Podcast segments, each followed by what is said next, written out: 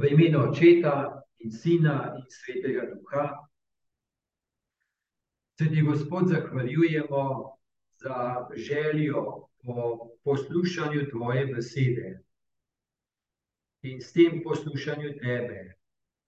Hvala ti, Gospod, za vsako željo, hrpenenje, pripravljenost, ker puščamo, da na ta način globlje in globlje spoznavamo, kdo si, kakšen si in kako si do človeka, in s tem tudi, kako si do vsakoga od nas, da se najdemo v Božji besedi.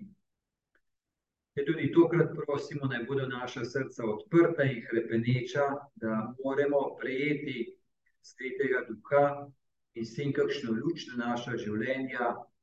Amen. No, poglejmo odlomek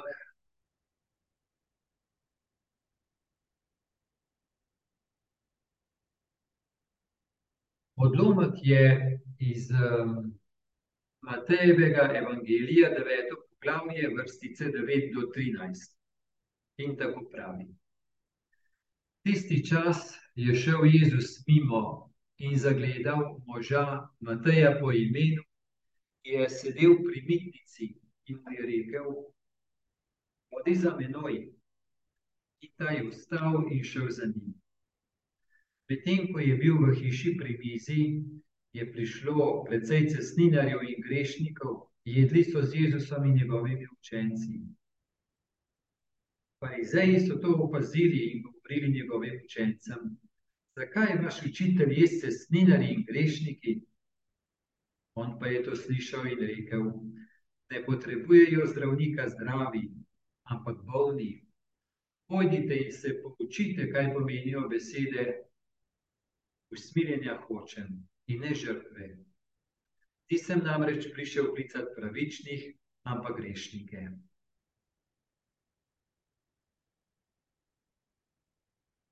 No, ta današnji odlomek je pa kar kratek. Čeprav tudi smo bili navajeni zadnje nedelje, da so bili nekateri odlomki kar kratki. No, najprej se spomnimo, da um,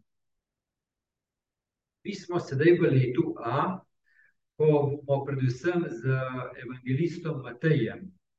Torej, zdaj je bil eh, torej, velikonočni čas, posni velikonočni, takrat so druge stvari. No, zdaj, ko je pa spet eh, čas med letom, bomo pa z Matejev, Matejevem evangelijem praktično vse do adventa, praktično vse do takrat bomo zdaj sledili Matejeve potomke. No, zdaj nam je en tak že dan. Ta je odlomek v svetem pismu, ga najdemo pri Mateju najprej v četrtem poglavju, kjer Jezus pokliče prve štiri apostole. Torej, Simona, Petra, brata Andreja, pa druga dva brata, Jakoba in Janeza. No, in v Matejevem evangeliju je še en, je pa en klic prav posebej izpostavljen, bolj tako osebno. No, in to je Matej. Primer v Lukovem evangeliju, tam imamo, kako je bolj izpostavljen, kako je bil poklican Peter. No, tukaj imamo pa Mateja. Torej, Matej, kot tako tradicionalno prepričanje je bilo, da je ta Matej da je pisec Matejevega evangelija. Tudi do dan danes številni učenjaki, ki te stvari študirajo, še vedno so v to prepričani, drugi pa kaj drugega. Torej, vsekakor Matej je, ga imamo v tem odlomku, je potem naštet med apostoli, torej ta Matej je postal apostol, Jezusov apostol, eden izmed dvanajstih apostolov. In pa pravim, da je eno tako ustaljeno prepričanje, da je prav on pisec Matejevega evangelija. Tako da to nas ne čudi, da je njegov poklic še posebej izpostavljen. Tako začne naš odlomek. Tisti čas je šel Jezus mimo in zagledal moža Mateja po imenu, ki je sedel pri mitnici in mu je rekel: Hodi za menoj. Zdaj, če bi imeli sveto pismo pred seboj, bi ta odlomek začel, ko je Jezus šel od tam, je zagledal tega moža Mateja po imenu. No, in torej, odkje je Jezus šel? Prejšnji odlomek nam govori o pozdravljenju promega, ki mu je odpustil grehe. No, in tam pismovki, pa farizeji niso, niso mogli sprejeti, kako da Jezus odpušča grehe, in so protestirali. In um, vidimo, da tudi v tem našem odlomku imajo farizeji nekaj za, nekaj za protestirati. Torej, je to en tak kontekst, kjer je ta odlomek, kjer Jezus nekaj naredi, nekaj lepega, dobrega, saj Jezus pomisli, je prepričan. No, medtem ko pa farizeji, pa pismoki, pa protestirajo. Torej, v prejšnjem odlomku in tudi v tem odlomku bodo protestirali. To je tak kontekst. Torej, da Jezus gre naprej, s tem, da živi očetovo ljubezen, da prinaša očetovo ljubezen, kaže, razodeva očetovo ljubezen, kaj očetova ljubezen naredi. Torej, on gre naprej s tem, ampak Jezus naleti na nasprotovanje, na negodovanje, pismo pa farizejev. Zdaj, pismo pa farizeji, to so bili pa tista skupina, ki so imeli veliko vpliva na verovanje ljudi, in da je šla vera iz generacije v generacijo. To Jezus je verjetno mislil, da bo ravno pri njih našel odprto uho, odprto srce, ampak ni našel.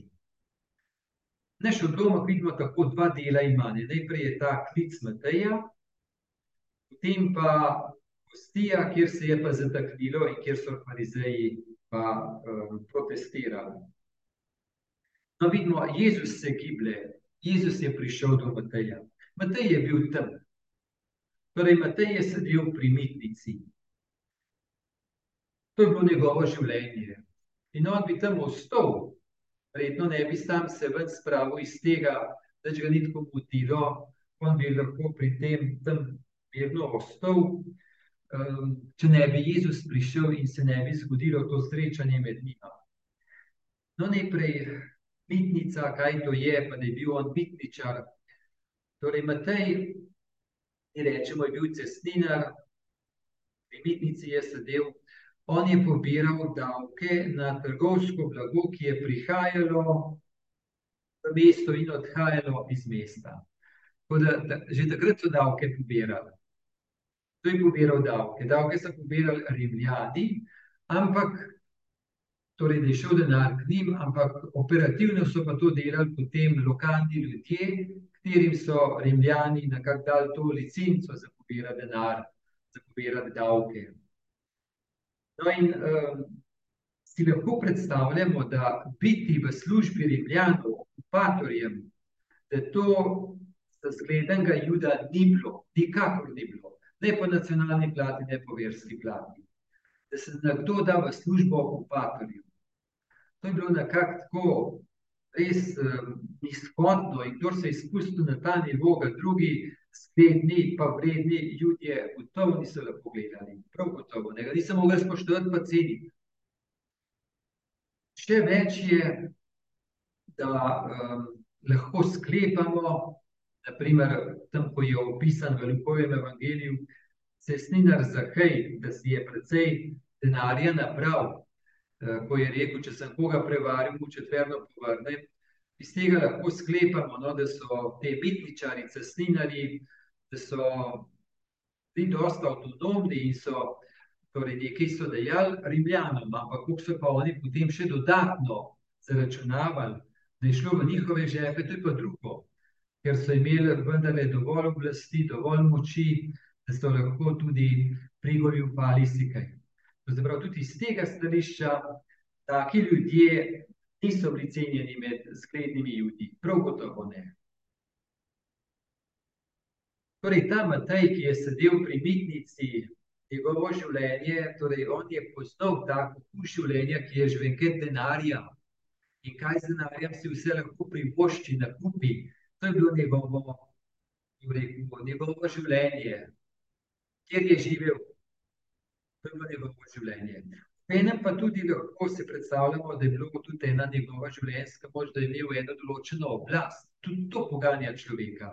Ker biti tam in vedeti, da so ljudje, ki so hodili mimo, odvisni od njega, in bo on povedal, koliko ne plačajo carine, to je ena določena oblast. Desetletje nazaj, ko smo se z vlaki vozili v Trst, pa razne stvari da nakupovali, pa jih hotel čim bolj poceni čez mejo prinesti, pripeljati, ne. To je, takrat smo čutili, da cariniki so imeli veliko oblast, v tem smislu, koliko so zaračunavali. No, torej tudi ta oblast je bila ena taka slast. No, da zaključimo, torej on, to je bilo njegovo življenje, no, denar, oblast, kaj si iz tega privoščil v službi Rimljanov. In pravim, Rimljani prav gotovo jih niso, ne, Judje, zgledni Judje so jih tako, niso jih mogli spoštovati. No, in on, torej ta Matej bi ostal tam, verjetno ne bi ga nobeden ven plačal iz tega, če ne bi tam Jezus prišel. In kaj se je zgodilo? Pravi, Jezus je šel mimo in zagledal moža Mateja po imenu, ki je sedel pri mitnici. No, in tukaj je pa en izraz, torej je šel mimo, ampak Jezus je zagledal. Torej se je Jezus ozrl na. No, in ta zagledal moža, ta pogled je nekaj tako, rekel, nekaj tako pomembnega za papeža Frančiška, da bom zdaj nekaj prebral iz njegove knjige, kjer omenja prav ta odlomek, kako pomemben je za papeža Frančiška.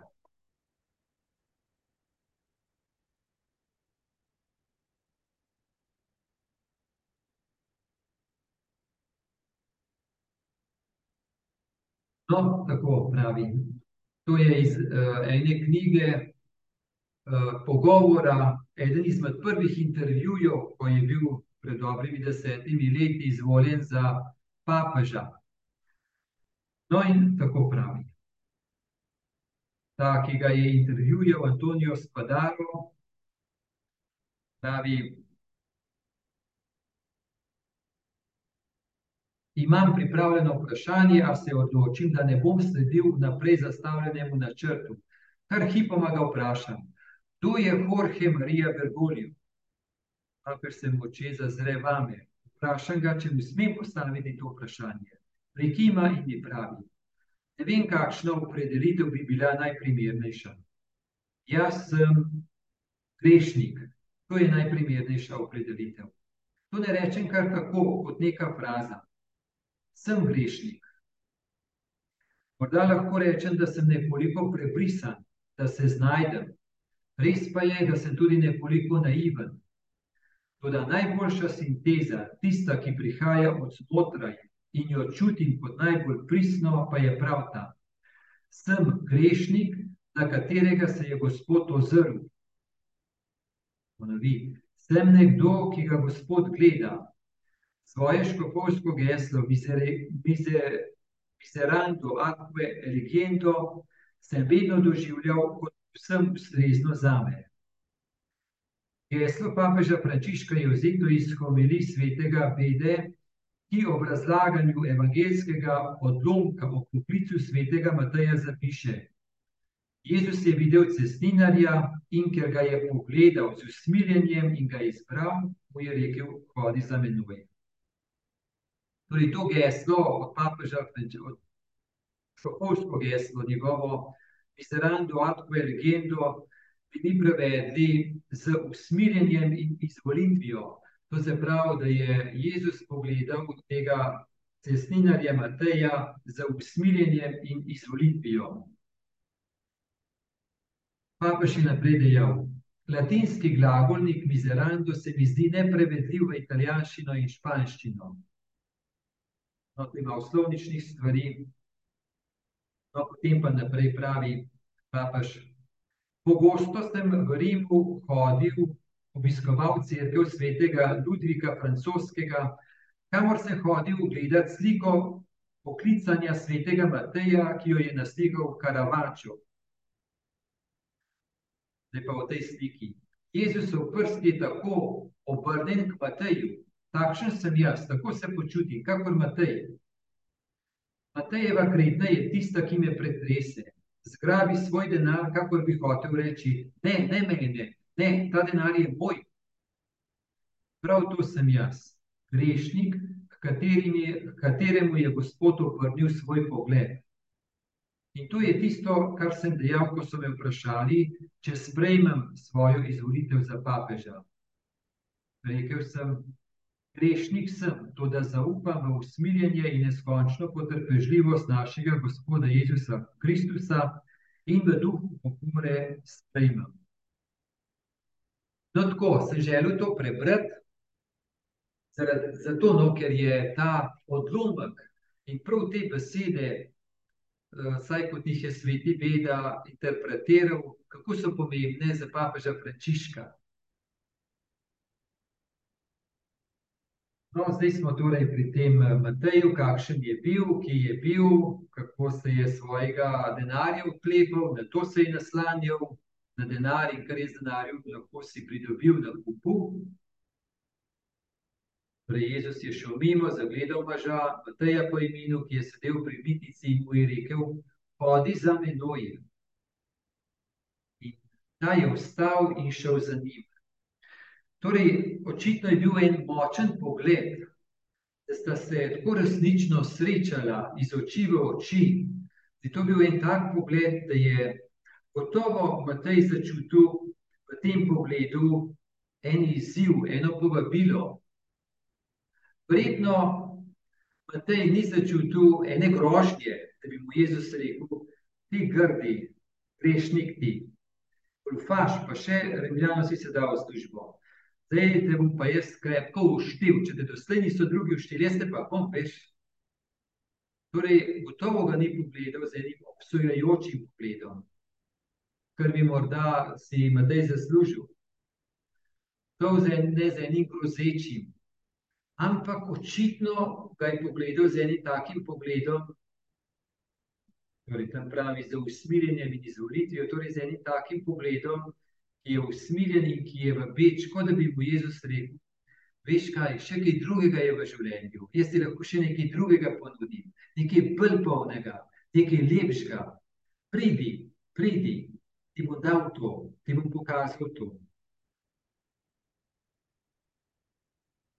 Torej, Jezus ga je poklical in on se je odzval in šel za Jezusom. Torej, pa vemo, da je bil ta cestnina, torej ta Matej, da je bil kar grešnik. Smo rekli, da je prej poklical Jezus štiri ribiče. Torej, Simon, Peter, Andrej, Jakob pa Janez. Dobro, tudi oni so morda malo vem, preklinjali, kdaj se je zil, kdaj morda tudi malo pogoljufali, ampak vendar je bilo pa njihovo življenje, bi rekel, usmerjeno tako, zgledno, no, so, morda so vsi imeli svoje družine, pa za nje skrbeli, Peter prav gotovo, in um, bi rekel, take zgledne ljudi, ne, je on poklical Jezus k sebi. No, in najdemo pa tudi tega cestninarja Mateja. In kot sem rekel, ga potem najdemo v desetem poglavju Matejevega evangelija, ga najdemo naštetega, prav tako, našteva razne razne in, in cestninar Matej. Prav reče, cestninar Matej, ta je bil med Jezusovimi apostoli. No, je dobro toliko nekako, da začutimo, kako Jezus kliče da ne gleda, da ne hodi okrog in reče: No, ta se mi zdi pa kar v redu, ta se mi zdi pa kar obetaven, ta se mi zdi pa kar sposoben, ta se mi zdi pa kar pošten, ta se mi zdi pa kar v redu. Ampak očitno Jezus kliče kar na drug način še. In ta zga kliče. Pa reče: Hodi za menoj, tu pa pusti tisto, pa hodi za menoj. Oziroma, vidite, tudi to je res. Ne? On mu reče: Pusti tisto, pa reče, hodi za menoj, to je klic. To, da nekaj pusti za seboj, to bi rekel, je spremljevalno, oziroma je vključeno znotraj tega, kar ga Jezus pokliče, hodi za menoj. Potem pa vidi, kaj ne pusti zadaj, če hoče hoditi za Jezusom. No, to, ko Jezus pokliče takega, eno je, rekel tako, no, da vidimo ljudi take, kot so, drugo je pa tudi to, da kaj pomeni, da Jezus v nas kliče kakšen tak nespoštljiv del nas, naših oseb, kakšen grešen del naših oseb, ampak v tem smislu, no, da pokliče, da ne reče, gorjeti, sramnejte bo, ampak da pokliče, povabi, hodi za menoj, poglej tudi v tistem delu sebe, hodi za menoj, zaupaj mi, klej mene, ti bo kaj dal, kaj boljšega.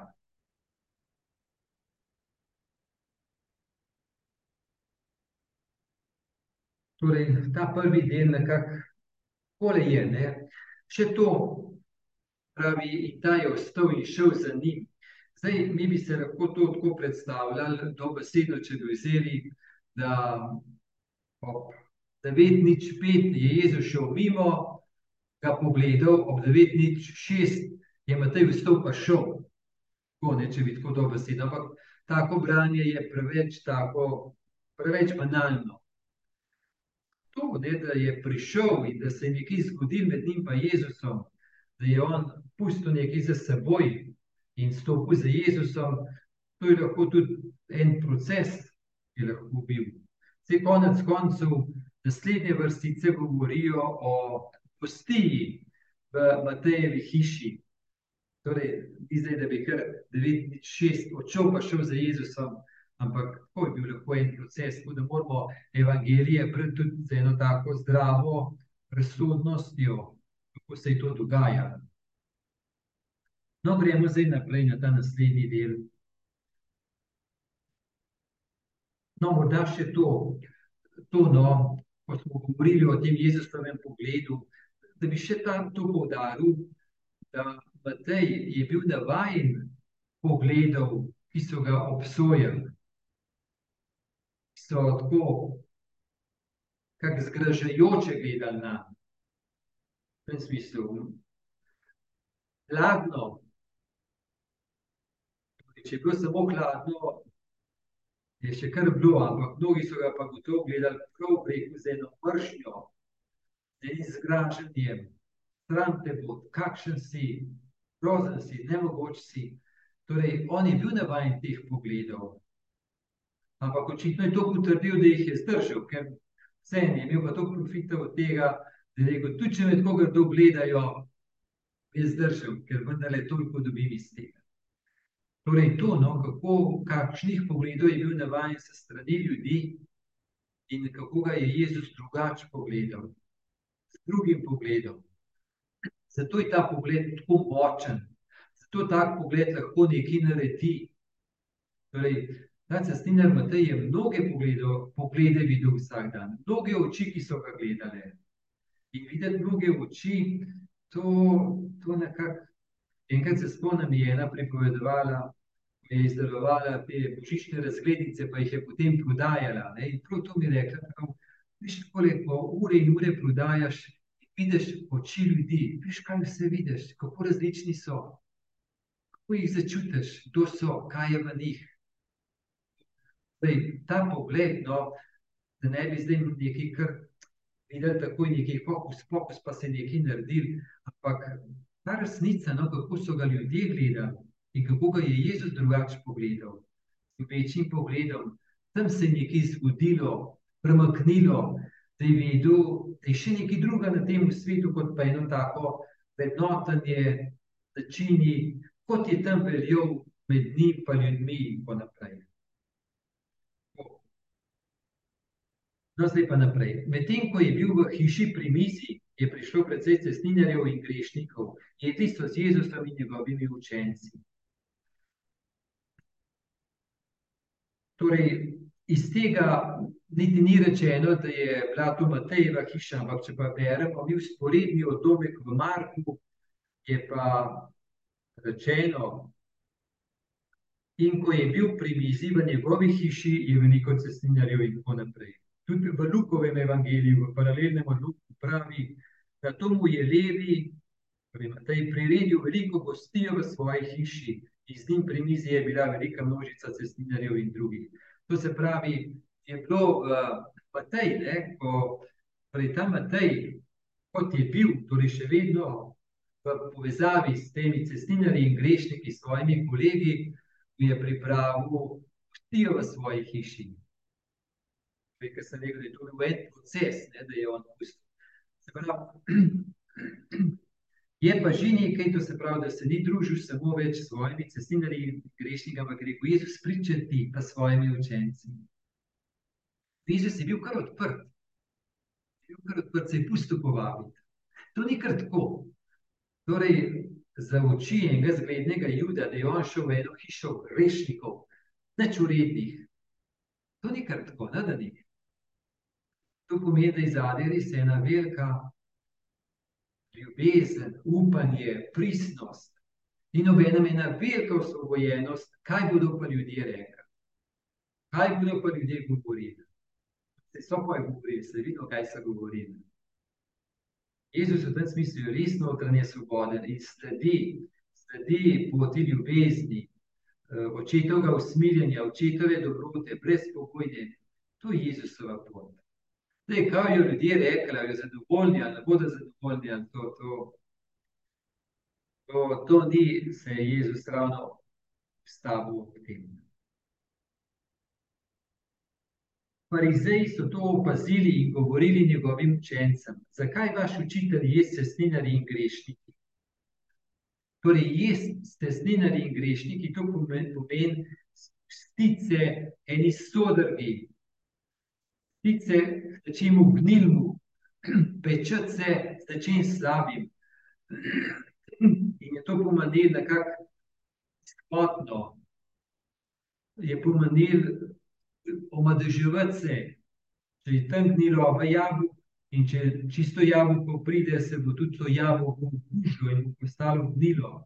Zato farizeji so se ločili od tega, da so rekli, to je sto drga, pokvarjena, grešnikov, mi z njimi nimamo nič, mi se bomo držali zase, to traj zgledi, to je naš prostor.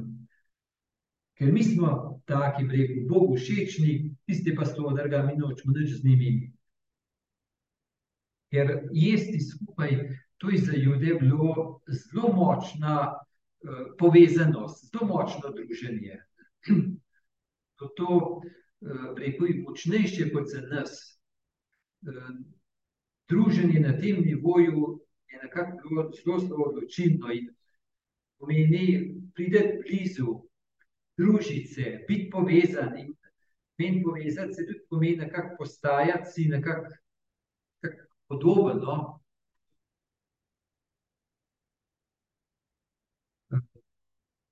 No, in uh, no, lahko ali zaslutimo to njihovo gledanje, njihovo zgražanje, kako jim ni šlo v račun. Kako jim ni šlo v račun. Naprimer, Kaj bi pomenili, na primer, včasih rečejo, ne se družiti s pesimisti, ugibajte se pesimistov, ker vas bodo okužili, kot z njim, da z njimi imeti. Je, to je to. Ne? Ali pa, na primer, zadnjič enkrat je bilo prav zanimivo, eno praznovanje je bilo in so začeli peti to, koliko kapac, toliko let. Ne? Pa pa nekdo še dodal tisto kitico, Kdor pa kislo se drži, ta za našo družbo ni. No, pa je pa ne ve, kdo je že odreagiral, ampak tako močno.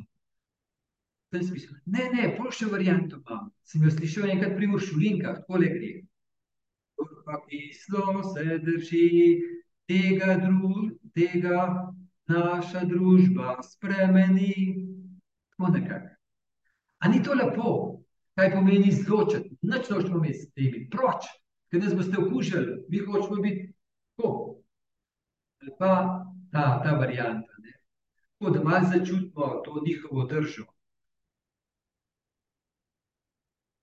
Naprej pravi odlomek, on pa je to slišal in rekel, ne potrebujejo zdravnika zdravi, ampak bolni, pojdite in se poučite, kaj pomenijo besede smiljenja hočem in ne žrtve. Nisem namreč prišel klicati pravičnih, ampak grešnike. Torej, kaj oni niso mogli zastopati? Oni niso mogli zastopati. Torej, če si ti, ki si učitelj, ki imaš en renome, ki prinašaš ljubezen in praviš, da si Bog. Ja, kaj ti delaš pri grešnikih? To je tako gledanje, da božja ljubezen pri grešnikih nima kaj, oni so grešniki, so zaproč. Če ne se božja ljubezen, ki ustavi, ne se pri zglednih, ki zaslužijo to ljubezen. Ko so oni gledali. Jezus jim je citiral nekaj iz Ozeja, tam kjer pravi, da dobroto hočem in ne glavne daritve. Spoznanja Boga bolj kot glavne daritve. Torej, za dobroto gre, za božjo ljubezen gre. Ne gre za ene druge stvari, ne bodo še taki upredi, žrtve, ne to, ampak za božjo ljubezen. Za božjo ljubezen gre. No, tukaj imamo to tako dinamiko, ki je gotovo uh, res močno vezana in nas gotovo lahko sprašuje o eni podobi božje ljubezni. V naših srcih je lahko ena taka podoba božje ljubezni še vedno v kakšnem koščku srca prisotna, da je božja ljubezen namenjena tistim, ki so v redu, tistim, ki so zgledni, tisti, ki so pošlihtani, tistim je namenjena božja ljubezen. Tisti so Bogu všeč in tja božja ljubezen gre. Medtem ko pa drugi, ki so nam marni, taki, njim pa božja ljubezen ne gre. Da njim pa božja ljubezen ne čiskrb, ker so namarni. Ta podoba, to se pravi, da če ljubezen do mene je tam, kjer sem v redu, kolikor sem v redu. Tam, kjer sem pa tak zanikran, pa vse tak, pa Bog me ne more biti rad. Pa pa ne. Tam, kjer sem v redu, to je že čisto zastopano. Tem, ko pa v tistih delih meni, ki sem tako, in tako mi drugi rečejo, kako sem namaren, pa sam vem, da sem namaren, pa, neč, pa Bog na, nima kaj zraven iskati, njegova ljubezen zraven nima kaj iskati. No, te ostanki, mi projiciramo na Boga naše človeške lasnosti in dinamike, torej, da je naša projekcija, tega je lahko kar nekaj. Zdaj pa tako dobro, da mi poslušamo in gledamo Jezusa, ker on ni naša projekcija, ampak on od očeta prihaja in pokaže, kakšen je oče.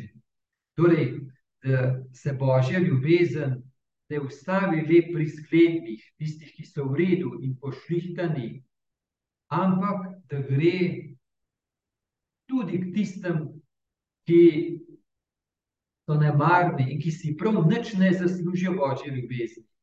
Edino potrebni so jo.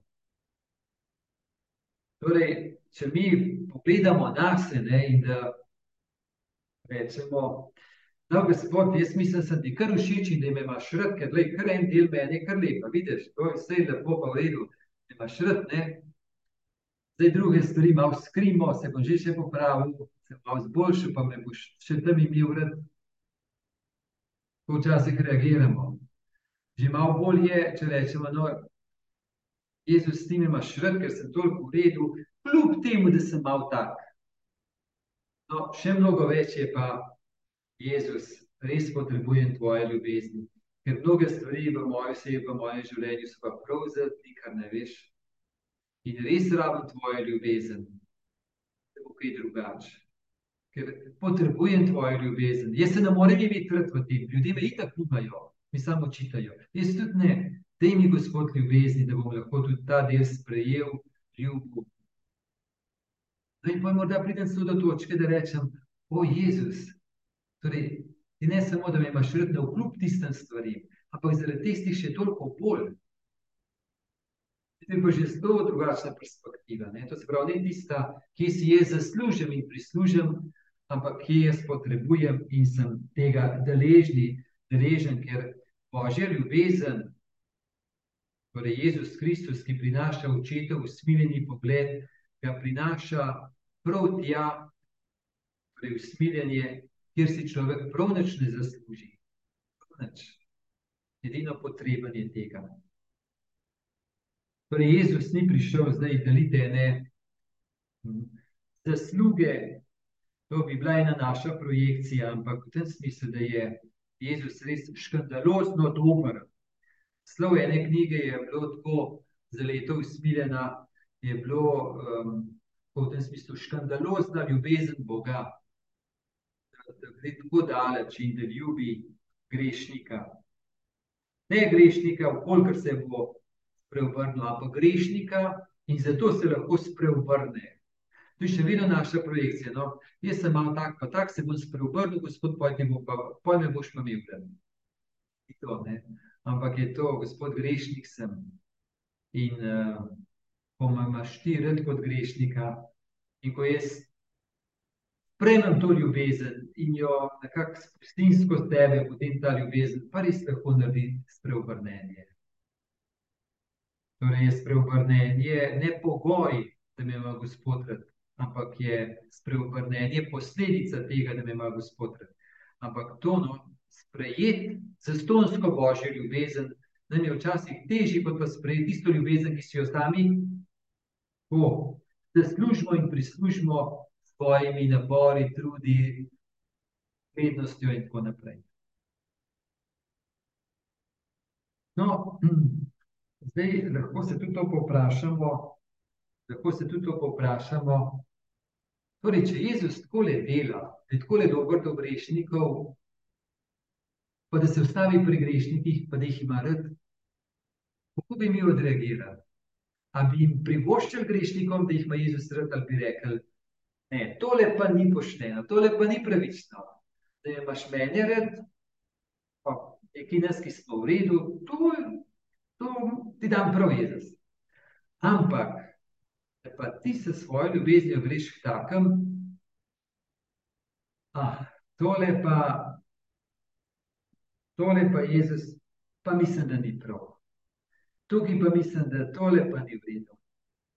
No, kje smo? A bi privoščili grešnikom božje ljubezni, ali bi rekli? No, tako. Torej, zaključimo. Eno je, ko nas Gospod kliče, Matej je poklical, tudi nas kliče, vključno z našimi takimi grešnostmi, pa se lahko povprašamo, kaj pomeni v tem hoditi za Jezusom. Drugo vprašanje pa tako, ali bi nekak, ali bi se veselili božje ljubezni, ki gre grešnikom, se vstavi pri njih, ali bi rekli, ne, te ljubezni pa jim ne pripada in jo ne delimo z njimi.